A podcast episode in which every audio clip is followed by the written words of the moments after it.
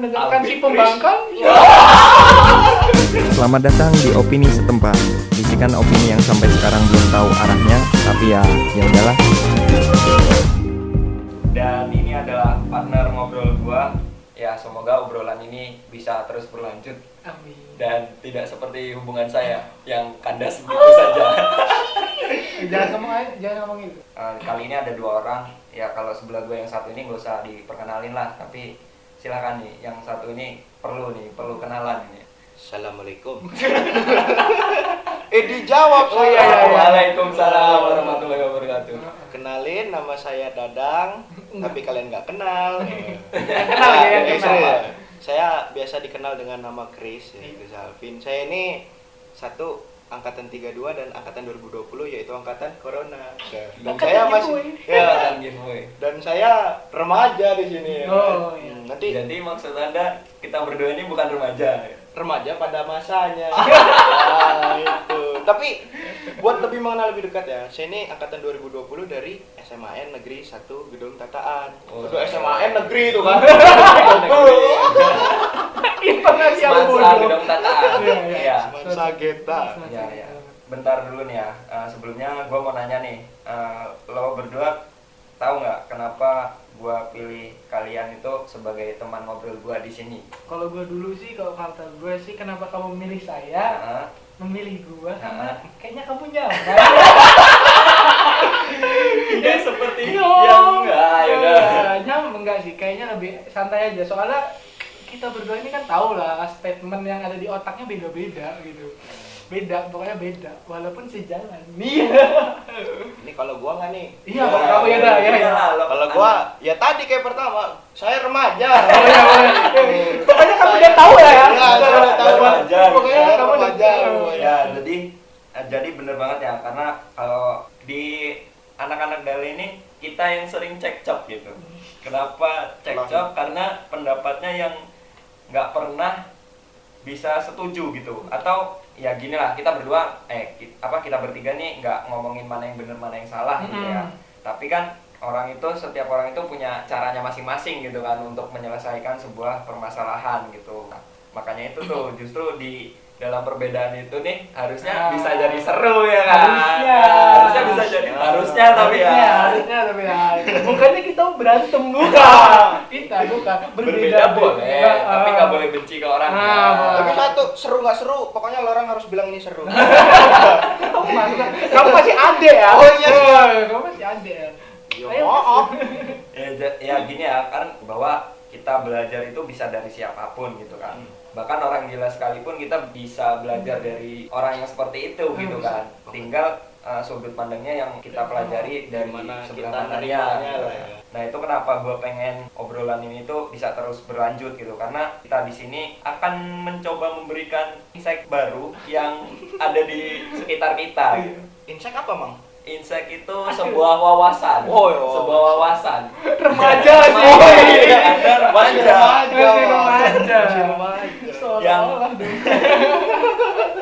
Yang harapannya sih ya sebagai media pembelajaran kita bertiga nih ya khus- khususnya gitu ya. Atau bahkan yang dengar uh, suara kita pun bisa belajar dari kita gitu kan. Nah itu harapan gua. Makanya kenapa uh, gua pengen ngobrol sama kalian berdua gitu kan. Kalau ya ketika perbedaan dan itu disatukan itu kayak apa gitu Iya, kan. Kayak apa gitu. Nah, kita akan di sini kita bertiga akan memberikan petuah-petuah hidup kali ini. Karena anak sekarang kan eh, ya apalagi di masa karantina ini ya yang kalau menurut gue itu mereka butuh asupan-asupan motivasi Hmm. gitu. Betul, bet. Karena bener gak sih? Bener. nggak Betul, sih? betul, betul. Betul. Kalau yang gue lihat sih, ya mereka dikit-dikit nge-quote, ngeluarin kalimat-kalimat bijak, terus anaknya senang curhat gitu kan. Tapi curhatnya di Medsos. Kamu ketawa. ya harusnya kalau pengen curhat boleh lah ke Iya. kita bertiga DM, Nah, DM gitu. ya. Apa lu gunanya kita ini apa? Kamu curhat, aduh, pakai video game nggak suka. di remix. Nah, semua itu akan kita coba hadirkan uh, di obrolan opini setempat malam ini. Yang mana malam ini temanya itu kenakalan remaja. Wah, Pantes saya diundang sebagai remaja. Makanya itu saya menghadirkan sesosok remaja Remaja. remaja tataan. eh apa coba singkat murtad Eh, yang di mana kalau kita lihat eh, sebuah kenakalan remaja gitu ya kalau melihat sesosok Hmm. remaja gitu ya itu mereka itu sebenarnya pembangkang atau pendobrak nah itu yang perlu kita refleksikan ke dalam diri kita gitu Hmm. kita ini sebenarnya nakal yang sebagai Ah, pendobrak atau atau nakal yang pembangkang. atau sebagai pembangkang gitu karena ya itu juga yang terjadi di sekitar kita gitu kan ya kita semua walaupun nggak melakukannya tapi kita semua pernah mengalaminya gitu kan Iya. gitu kan Saya pernah nakal. pernah Iya. pernah nakal jadi Pernah nakal. Dinakalin juga pernah. bangga Banget sih. Enggak. nah buat pembuka nih ya gue pengen eh, ngangkat sebuah karya yang karyanya itu punya Anthony Ismail eh Anton Anton, Anton Anton Anton Ismail. Pak E. Ya.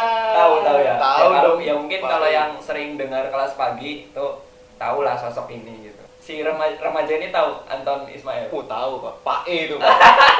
kelas pagi, kelas pagi. mama benar benar benar kok saya nggak tahu berarti masa remaja anda patut dipertanyakan. Nggak pernah ikut kelas pagi ikutnya kelas siang. Kelas Oh, malam. Kelas malam. Kelas malam. Kelas malam. Nah, di mana ada satu karyanya Anton Ismail yang karyanya itu berbentuk kolase gitu. Eh, leb- di, itu dibuat lebar. Ya, seki- lebarnya itu sekitar 5 kali 5 meter.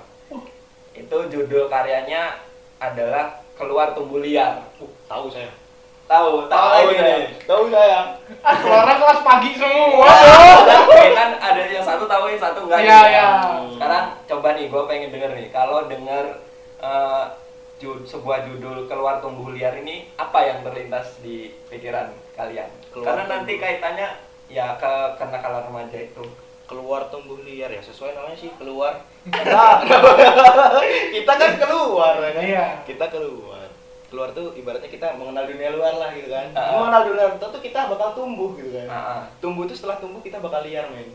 Oh, Liar kita bisa gitu. ngapain aja gitu kan. Bebas lah gitu. kok remaja banget sih ya kok kok kok gue nggak berpikir gitu sih Jadi anda termasuk remaja yang liar? Enggak juga sih. Enggak juga. Pernah liar. Oh. Oh, kar- karena nonton kelas pagi Ah, itu. Lo karena nonton kelas pagi tahu lo.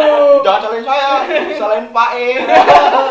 Enggak boleh, cuy, enggak boleh Oh, iya, orang. iya, Kita nggak tidak boleh, guys. kita Itu tidak bisa karya menyalahkan. Oh, tidak boleh menyalahkan orang. Sebuah karya. Ya kalau dari Mamang yang satunya ini Kalau dari gue karena gue nggak tahu kalau denger kata apa keluar tumbuh liar. keluar tumbuh habis itu liar kasar ya? Maaf ya. Kayak hewan sih. Ya maaf loh maaf. Maksudnya kalau misalnya kayak hewan itu kayaknya dia dilahirkan tumbuh habis itu ya udah Liar. gitu. Liar gitu loh. Lo nggak tahu lo mau ke mana segala macem ya. Liar aja. Makan intinya gitu kan. Tapi kan sebenarnya kalau misalnya di remaja kan nggak perlu makan kan emak yang nanggung gitu kan ya nggak sih? Lo mau apa sih liarnya ke mana gitu gitu aja Tapi ada satu sih yang gue seneng dari kelas pagi itu gini. Eh, mereka tuh menyampaikan segala sesuatunya tuh berupa dikemas dalam selengean gitu. Tapi ya selengeannya itu berupa pendidikan gitu. Oh. Kayak dia ngajarin teknik-teknik foto. Gue masih inget banget dulu gue diajarin segitiga exposure. Tapi setelah gue nonton kelas pagi itu disebut segitiga anjing-anjingan.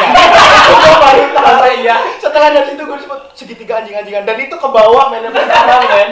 Segitiga anjing-anjingan demi demi Allah.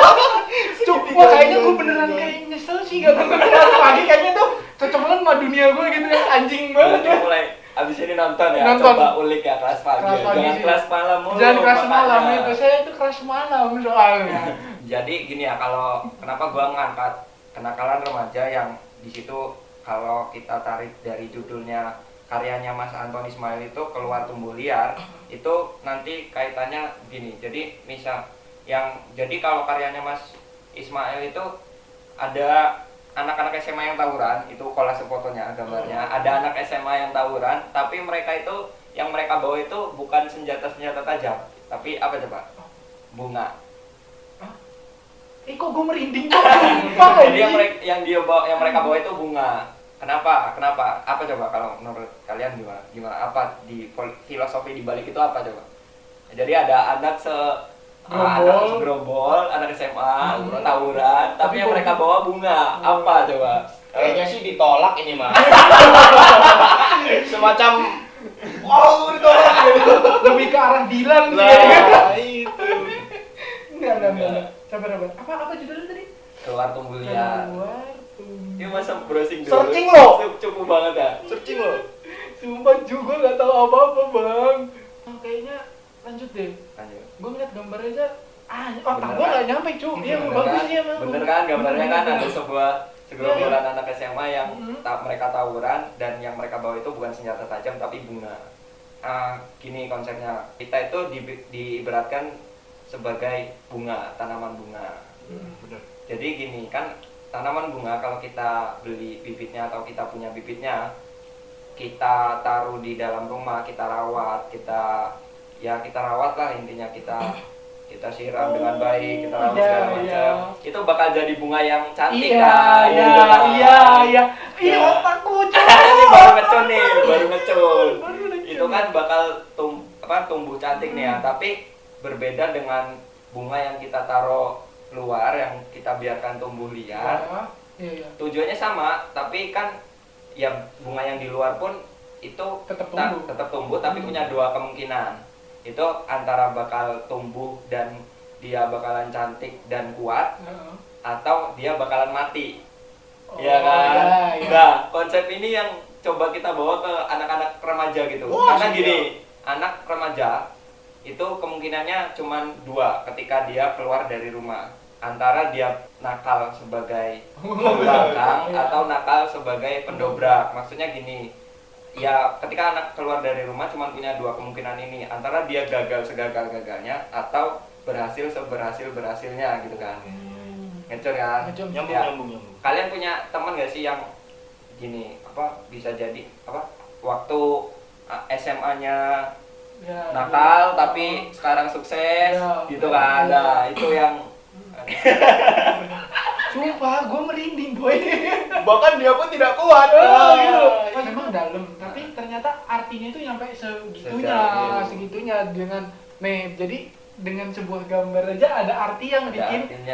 Kalau emang nih ya, jujur gue nggak tahu sama sekali kelas pagi apa, Nah. si Pai Pai itu siapa, maksudnya dan karyanya itu apa, dan orang dengan menjabarkan bahkan memang podcast ini jelasin ke gua itu tanpa adanya instruksi.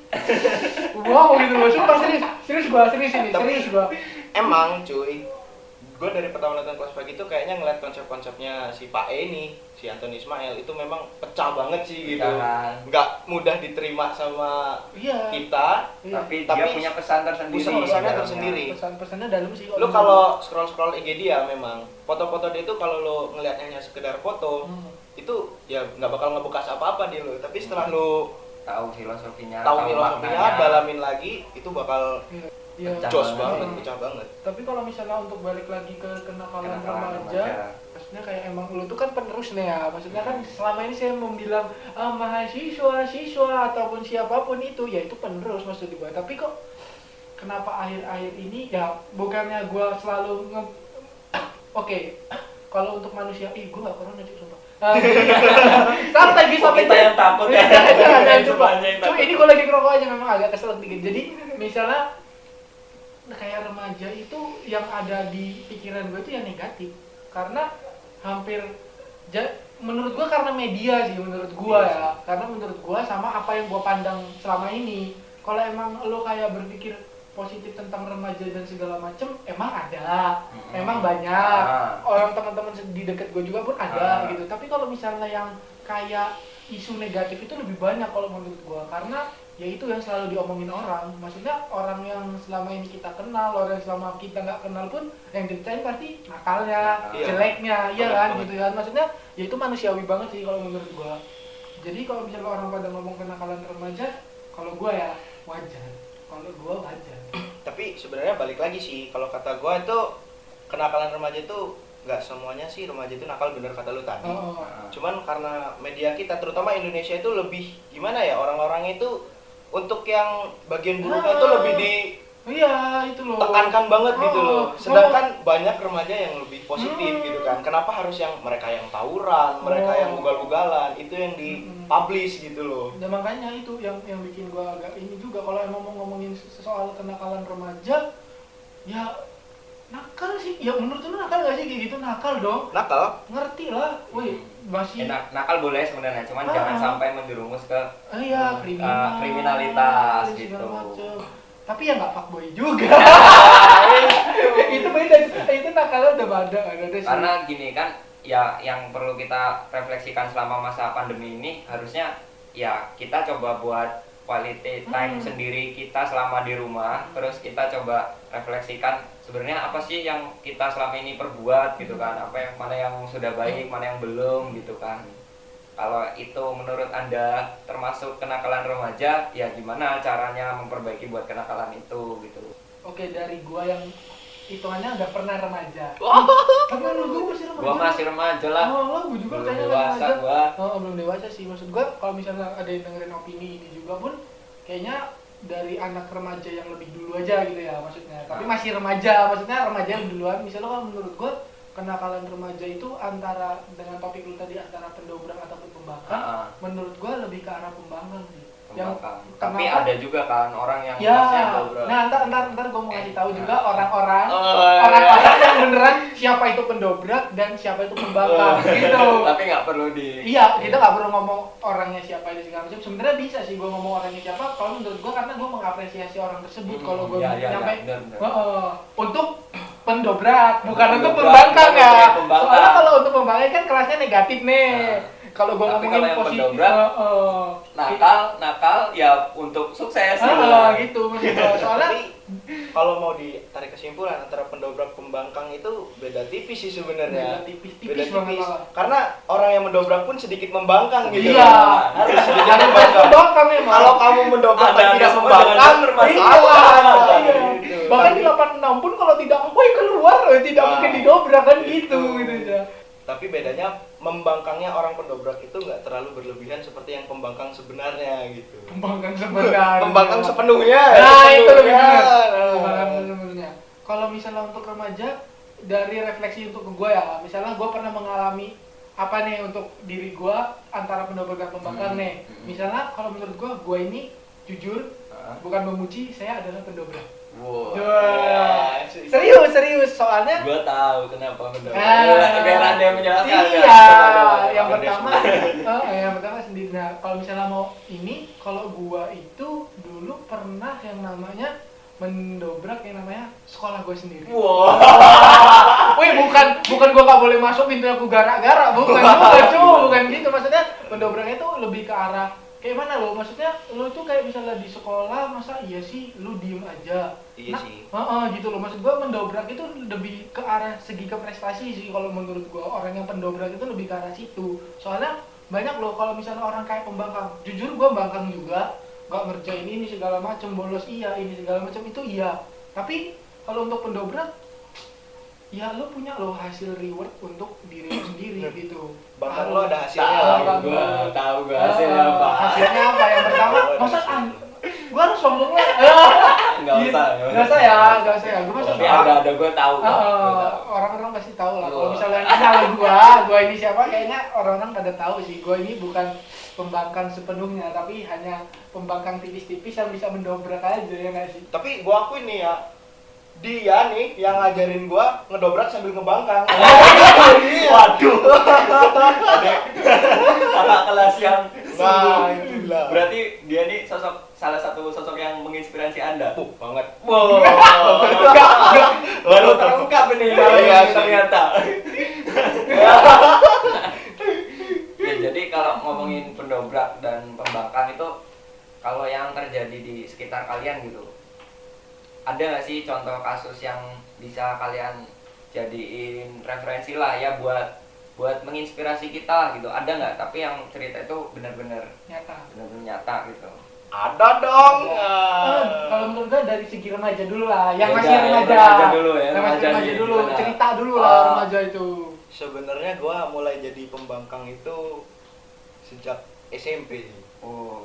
SMP. Emang hal-hal hal-hal kenakalan seperti apa yang menurut anda itu sudah termasuk Bangkang. Gua di situ posisinya waktu itu gua ikut eskul, Ah. eskul di SMP gitu marching band namanya. Oh, Marching nyambung, band. nyambung, Ah, nyambung gua. Dulu gua SMP itu ikut marching band dan itu memang gua betul-betul di situ kan meluapkan semua kemampuan gua untuk banggain nama sekolah gua Ah. gitu kan. Tapi di sisi lain di situ ada guru-guru yang pasti kayak bilang apa kamu kamu itu mau sekolah atau mau apa. Ah. kalau misalkan cuma mau ikut-ikut kayak gitu doang mah di luar juga banyak kata dia. Hmm. tapi di situ gua mikir kok berat ya men gitu Hmm. padahal gue di sini mau harumin nama sekolah gue sendiri gitu Hmm. tapi kok dari orang-orang di sekolah gue pun nggak support gitu dan edannya waktu itu gue pernah dispen serius ini dispen itu satu semester cuman Wow. buat marching band Santai, santai, pernah. Ah, santai, Pantesan nyambung gua sendiri yang nyambung. jadi kenapa gue bisa dispen satu semester itu? Karena waktu itu sekolah gue emang lagi direnovasi dan gue kebagian masuk siang. Sedangkan dulu belum full day ya. Iya, belum, belum. belum full day ya. Dan sedangkan latihan gue itu siang gitu dan itu untuk kejurnas Heeh. siang untuk kejurnas waktu itu gue udah lobby lobby sama orang tua. Orang tua gue sempat ngelarang tapi akhirnya ya udahlah bodo amat gitu kan. Iya. karena ya itu tadi termasuk Untuk- ngebangkang Iya. karena gue untuk sekolah gue gitu loh Tapi di sisi lain ya Di untuk sisi kegiatan lain, sekolah iya. kan. di situ bener-bener gue waktu itu dispen karena sekolah gue siang tapi gue latihan siang gue lebih ngebetin ke latihan udah surat dispen dari kepala sekolah pun tetap gue dihujat gitu sama guru-guru kata dia kamu itu kalau emang gak niat sekolah udah nggak usah kata dia kan sampai gue dikejar-kejar nilai tuh men waktu itu men Kok Itu karir lu kayak hancur gitu? Tapi sekarang ya kan lulus kan. Ya, alhamdulillah lulus gitu Walaupun kan. gara-gara corona. Ah, itu. Jangan, jangan.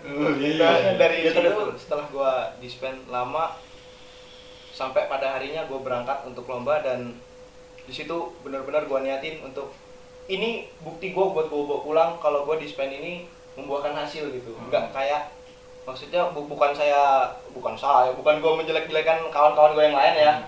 tapi ini gue beda loh sama mereka gitu Hmm. untuk nakalnya Hmm. dari situ gue berangkat gue niatin dan alhamdulillah men gue juara tiga nasional waktu itu juara tiga nasional dan setelah pulang itu harapan gue guru-guru itu bakal berubah gitu kan Hmm. ngeliat gue bakal oh kamu ya ini segala macam ya? ternyata enggak men gue baru dateng gue dipanggil upacara di depan waktu itu setelah masuk ke kelas guru gue gue masih ingat dulu guru IPS gue Ya, iya, ini guru IPS ya, Iya.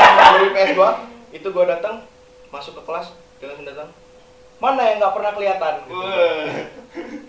Satu kelas itu pada nengok gue semua, men. Satu kelas pada nengok semua. Terus dia bilang, guru gue bilang kata dia, saya kira kamu udah nggak sekolah lagi gitu. Terus Betis anjir. di situ kawan gua alhamdulillah sebenarnya sempat nge-support sempet nge-support gua. Kata mereka, nggak apa-apa bu, dia juara tiga ini segala macam. Dan lo tahu guru gua jawabnya apa? Apa? nggak penting juara-juara tiga itu. Nilai kamu kosong semua kata dia. Di situ gua udah mulai paleng Gedon, gedon. udah mulai ngedon kata gua kok gini ya? Gitu kan. Padahal gua di sini belain nama sekolah loh gitu kan. Udah. Dari di situ gua udah nggak mikir lagi apa apa lagi. Pokoknya gua ngepush tugas gua deh pokoknya. Wah. ngepush tugas gua nyampe selesai. Dan waktu itu cuman satu guru dari banyaknya guru cuman satu guru yang support gua itu guru bahasa Inggris gua. Dia yang selalu support gue curhat sama dia segala macem dia bilang nggak apa-apa jalanin aja jalanin terus jalanin terus dan akhirnya alhamdulillah waktu itu SMP Mm-mm. ujian semester gua bahasa Inggris gua paling gede di kelas Wah. Nah, di kelas Di tapi kelas. ya Enggak, enggak benar. Paling Iya, gede. paling gede kok soalnya eh, gurunya CS kamu. jadi buat kalian-kalian ini deketin lah gurunya deketin lah gurunya buat Kalau kalian Iya. nakal tapi nakal, nakal yang punya tapi Oh, wajar gitu kan gitu. tapi kalau tapi kalau nakalnya ke arah yang Iya. negatif ya buat apa ngedeketin Tadi- guru juga kan nggak guna kenapa ya. gua berani untuk ngebangkang sama guru, ngebangkang sama segala macam karena tujuan gue cuma satu ngarumin nama sekolah dan itu Iya. menurut gue baik gitu Iya, sih. Menurut gua dobrak juga. menurut gue baik gitu kan kecuali makanya gue berani ngebangkang itu pokoknya bodo amat guru tuh mau ngomong apa gue harus bisa gitu kecuali beda hasilnya kalau misalkan gue itu kerjaan gue nggak pernah masuk sekolah bolos Nah, iya. nongkrong segala macam itu guru gue kalau mau marahin gue segala macam gue nggak mungkin jawab men Iya, itu pasti malu Iya, men iya. ya Malu kan? lah. Malu sih.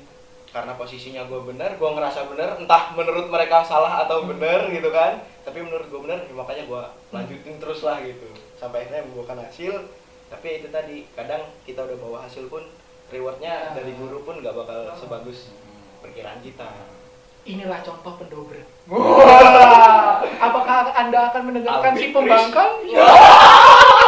Ya, Emang ada di antara kita yang pembangkang? seperti saya. Oh, jadi langsung ke sosok pembangkang yang sesungguhnya. Wow. Eh. Sebenarnya kalau emang tadi Chris mau bilang gua itu sosok yang menginspirasi dia, sebenarnya kalau gua denger cerita dia lebih dulu, sebenarnya dia sih yang lebih menginspirasi gua. Yang lebih Harusnya mendobrak. lebih mendobrak. ah jadi malu enggak enggak serius maksudnya kalau memang gua tahu nih maksudnya kalau misalnya ikut lomba kayak gitu ini segala Hmm. macam gua pun pernah dan bahkan ya sama maksudnya dengan sesuatu yang yang kita kejar sama dengan bangkangnya kita sama Hmm. dengan kita mendekati PDKT guru dengan sama Hmm. untuk nilai kita segala macam pun sama ternyata metodenya dan rata-rata itu untuk kelas pendobrak tuh rata-rata kayak gitu sih. Bangkangnya itu menghasilkan sesuatu. Tapi kalau misalnya untuk gua untuk kayak pembangkang yang kayak gua ini gua ini bangkangnya ini dulu lebih ke arah males sih. Menurut gua ya gua, gua kasih tahu males itu bangkang yang paling gede. Maksudnya impact yang paling gede itu males. Kenapa? Menurut gua misalnya lo nih bangkang lo tawuran lo apa habis itu apa sih marah-marah kerjanya berantem ini segala macem itu lo kalah sama bangkangnya males percaya sama gua maksudnya nih ketika lo males mau ada apa pun di depan lo ya lo males iya lagi Iya, iya, iya. iya maksudnya Makanya ada ada ungkapan ya jangan beralasan dibalik kemalasan. Ah, jangan kebal- pokoknya jangan beralasan kayak gitu. Maksudnya bahkan gue nih ya pernah melakukan hal yang sama dengan si Mas Kris ini hampir sama gitu untuk step by stepnya tapi sebenarnya gue tuh bangkang sebenarnya karena itu gue bersembunyi di balik kemalasan gue untuk mengikuti semua apa yang diatur di sekolah gitu Oh, jujur ya, ya, ya, ya, ya, Iya, nyambung, jujur nyambung. jujur. Maksudnya gua ikut semua ini, itu Ah, segala macam. Sebenarnya itu gua ah, bersembunyi di di balik- di balik kemalasan gua. Ah, Karena menurut gua di sisi lain- di sisi lain, gua masih mikir loh. Kegiatannya positif. positif gitu. Jadi hitungannya Eskul juga. ah, eskul juga ini, Lomba juga, kejurnas juga. Kejur- Kejurnas juga. Tapi Tapi lu punya baju Iya, jurnas itu. tapi kita nggak ketemu karena Nggak kita ketemu. beda Beda generasi. beda tingkat dia SMP gue SMA Maksud- Ah. jadi gue bersembunyi itu sebenarnya gue tuh males ngikutin aturan yang di sekolah jadi gue bangkang nih belajar. males belajar males ini sebenarnya jujur kalau ada guru yang denger sih maaf ya bu serius ini gue pager banget gue pager tuh ngeliat muka kamu udah paleng gue maksudnya lah jadi lebih baik gue nyari sesuatu yang lain tapi ini sebenarnya ini gue bangkang tapi dengan cara safety gitu Wah. Sebenarnya kalau misalnya termasuk pendobrak. Ah, ah, jadi kalau misalnya gue diikuti hitungannya pendobrak, ya pendobrak. Tapi menurut gue, gue lebih ke arah pembangkang sih, karena gue bersembunyi Di balik. di balik itu. Di balik kata pendobrak itu, gue bersembunyi sebenarnya gue ini pembangkang gitu. tapi kalau guru yang hujat pasti ada ya Banyak, banyak banyak. Saya, maksudnya kayak berargumen sama guru ini segala macam. Ya hidupnya nggak lurus. Kalau gue, gue kalau untuk sekolah ya, gue nggak lurus sih menurut gue. Gue boleh ngasih tau sesuatu nggak? Boleh. Eh, gue dulu itu salah satu pembangkang karena males. Yang pertama, nih gue kasih tahu. Yang denger ini dan dia masih kelas 1, kelas 2, kelas 3, jadi ketua kelas cuy. Nuh, itu. Jadi ketua kelas cuy. Sumpah. Maksud gue, lu tuh bakal bisa bersembunyi di balik kemalasan. kemalasan. Nah, itu. Tapi Tapi dengan cara lu punya tanggung jawab nih, misalnya nih, lu Ah. jadi ketua kelas nih punya tanggung jawab nih. Ah. Lu tuh ketua lo, lu inget nggak peran ketua itu apa? Bos. Oh itulah memang gue ini sumpah ini gue ngajarin buruk ya tapi menurut gue kalau emang lo mau jadi pembangkang yang sukses seperti saya ya lakukan cara itu nilai yang pertama ja- jadikan kamu dirimu yang paling tinggi tahtanya di kelas Habis itu jadikan semua orang yang ada di kelasmu itu bukan anak buah ya, itu menurut gua kasar. Kasar. Yang pertama, jadikan semua orang itu teman baikmu. Habis itu ajak mereka untuk bekerja sama agar memuaskan dirimu. Wah, dalam? Anjay. Iya. Maksudnya, gua dulu jadi ketua kelas kayak ngeman manfaatin. maksudnya, maksudnya kayak memberikan eh, sedikit masukan-masukan yang baik gitu. Nah gitu dengan cara yaitu lo harus belajar lebih rajin cuy. Nah misalnya yang pinter gua suruh belajar lebih rajin, yang bego ya udah lo turutin aja sih apa yang mau guru apa gitu maksud gue jangan bolos-bolos segala macem nah dia orang udah nurut nih murid itu 36 30 hilang satu gak kerasa. Wah, itu. ah jadi nih temen-temen lu 30 nih. Nah itu rajin semua lo maksudnya berkat lo lo bisa bangkang lo di situ. Gitu loh maksud gue. Ketahuan Nah, lo- strateginya, Bung. itu lu tuh bisa bangkang di situ. Kalau lo emang beneran mau jadi pembangkang kayak gue ya lu tuh gak usah tawuran berantem Bolos. bolos, tuh gak penting cuy. Nggak itu gak seru. Nggak yang seru, pertama nggak gak seru seru ya. gak seru gak seru nggak sumpah. punya achievement. Nggak punya achievement yang pertama. Dan hidup lu tuh kusut. Ntar Kusut. jadinya. Jadinya kusut. Maksudnya oh gue ini gak kerjain tugas ini segala macam. Pusing sendiri pusing nanti. sendiri yang pertama. Itu pembangkang bodoh. Wah, ya, jadinya ya. jadilah pembangkang yang pintar Woi. iya iya jadi misalnya ja- tahta tertinggi jadikan orang di sampingmu bermanfaat bagimu. Oh, bukan iya. memanfaatkan ya Iya. bermanfaat bagimu. Nah jadi kalau misalnya di antara teman-temanmu ini kamu punya impact nih. Maksudnya punya insight-insight ke mereka biar mereka semangat. Kamu tinggal malasnya gitu. Itu caranya bung kalau menurut gue pembangkang Keren, keren, yang keren. jujur itu itu pembangkang yang positif. Jadi- tapi bukan pendobrak tapi itu pembangkang. Untuk soalnya kalau misalnya pendobrak nih ya menurut gua definisi pendobrak itu untuk masa yang banyak loh. Mm-mm. itu pendobrak. Misalnya gua pengen ngelakuin ini untuk sekolah gua. Nah itu kan berarti kan Oh, untuk sekolah nih. Sekolah itu masanya banyak nih. Kalau gua ini melakukan untuk diri gua sendiri. Ya nah itu ke gua. Nah itu jadi pembangkang itu ya itu. Semacam egois. nah semua ego yang penting ego larinya enggak ke yang arah ah, kriminal, ah, yang, kriminalitas. yang kriminal, yang Kriminal. yang ah sudahlah jangan lo, ih banyak bagaya sama orang itu. Buat apa cu? Nggak berguna cu, serius gua nggak guna, nggak guna banyak gaya. Ya pokoknya ikutin tutorial gua lah. Kalau emang anda mau jadi pembangkang yang positif, abisnya ada yang denger ini kan, satu kelas. Yang denger misalnya ada satu kelas isinya misalnya yang denger satu kelas itu ada tiga orang. Tiga tiga pengen jadi ketua kelas? Eh, konsum Tapi- dulu. Kalau cewek DM aja. Kalau cowok pe- pergi aja tapi tapi gue suka banget sama kata-kata dia buat orang-orang itu bermanfaat untuk kita tapi bukan kita memanfaatkan orang itu untuk kita. Ah, oh gitu emang. Tapi ada satu sih yang bikin orang-orang itu nggak mau jadi ketua kelas. Ada apa-apa di kelas lu terus yang kena. Kan kan nah oh misal nah lo kan nih. Kelas gua ribut gua yang kena gitu kan gunanya ketua kelas itu cuman distributor. Asal kalau lo ngerti eh lo nih nggak ngerti Berarti lo definisi. telat ngertinya. ah, definisi. Anda Wah, sudah ya lulus. sekarang. nah definisi ketua kelas itu ya cuman distributor menurut gua. Maksudnya ada masalah apa pun di kelas lo tuh cuma distributor ke wali kelas lo udah. Lo tuh bukan penanggung jawab. Penanggung jawab kelas itu siapa? Wali kelas. Oh iya bener sih. Itu. Wah, baru Wah, baru kejut ya lo gua cepu gitu itu makanya rata-rata ketua kelas itu dibenci kan apa Iya. lu? Dikit-dikit PR ini segala macam ngelaporin ini segala macam ngomong segala macam. Bukan. Gua Riko berantem. Nah itu kan itu distribut sebenarnya cuma Iya. distributor. Ketua kelas itu cuma distributor ke wali kelas. Karena yang bertanggung jawab itu ya wali kelasnya itu menurut gua. Nih misalnya ada lu ada masalah apa yang ngelaporin ketua kelas nih Hmm. pasti yang dipanggil siapa bukan gua pasti percaya sama gua nggak mungkin lu dipanggil yang punya masalah yang punya masalah sama wali kelasnya. Kita kan yang melapor. Bro. sebagai ibu wali kelas gimana? Ibu atau bapak wali kelas gimana lah ngajar anak saya? Nah kan gitu. Saya masa ketua kelas dimarahin? Ya, saya cuma ketua di kelas gitu, bukan pembimbing bukan. Saya cuma udah ketua. peraturannya sih Sama peraturannya. pelapor Ya, dirahasiakan eh, apa perlu gue kasih tau manajemen biar un sukses? Eh maaf gak ada un. gitu bang Iya iya maaf. seneng gue ini Sedang gak ada un. Nggak ada un, seneng, seneng. Sedangnya susah. iya sih Masa depan gak ada.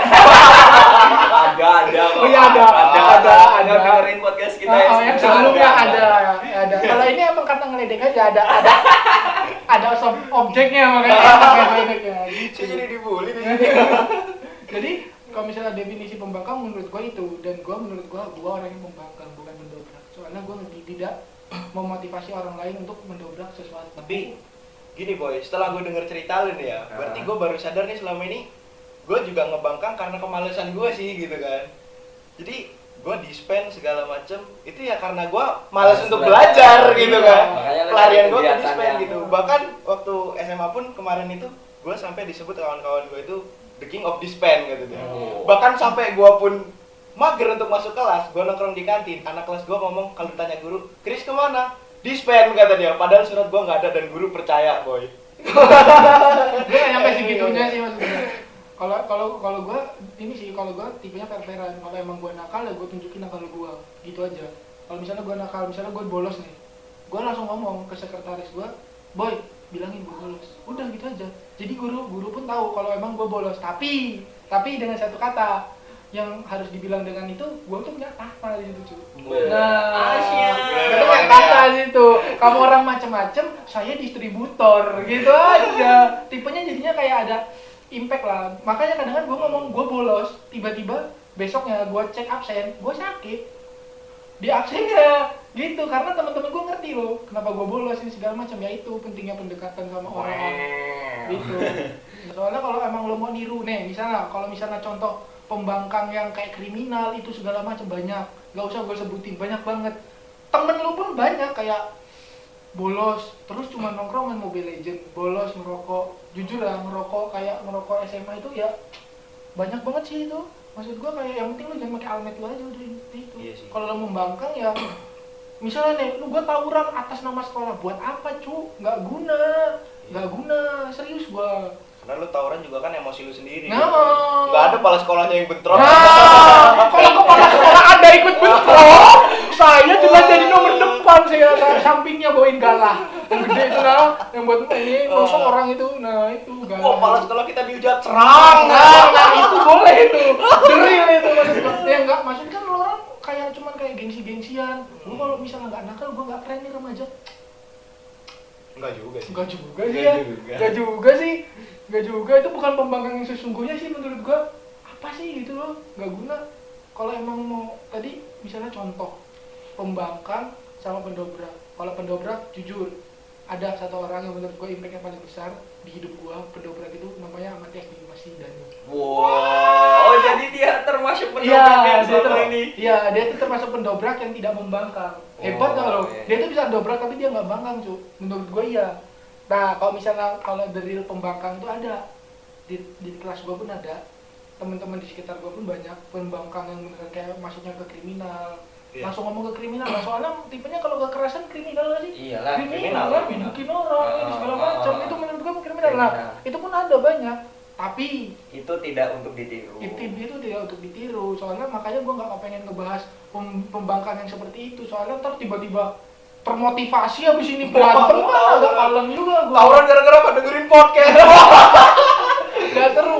Soalnya kayak tiba-tiba denger, dulu pernah sih di di sekolah gue tuh kayak tiba-tiba denger isu ada yang mau tiba-tiba ada yang dengerin isu mau apa namanya mau tawuran nggak nggak seru nggak seru Stop tawuran. stop stop tawuran stop berantem stop, stop mejeng segala macam Bukan gue.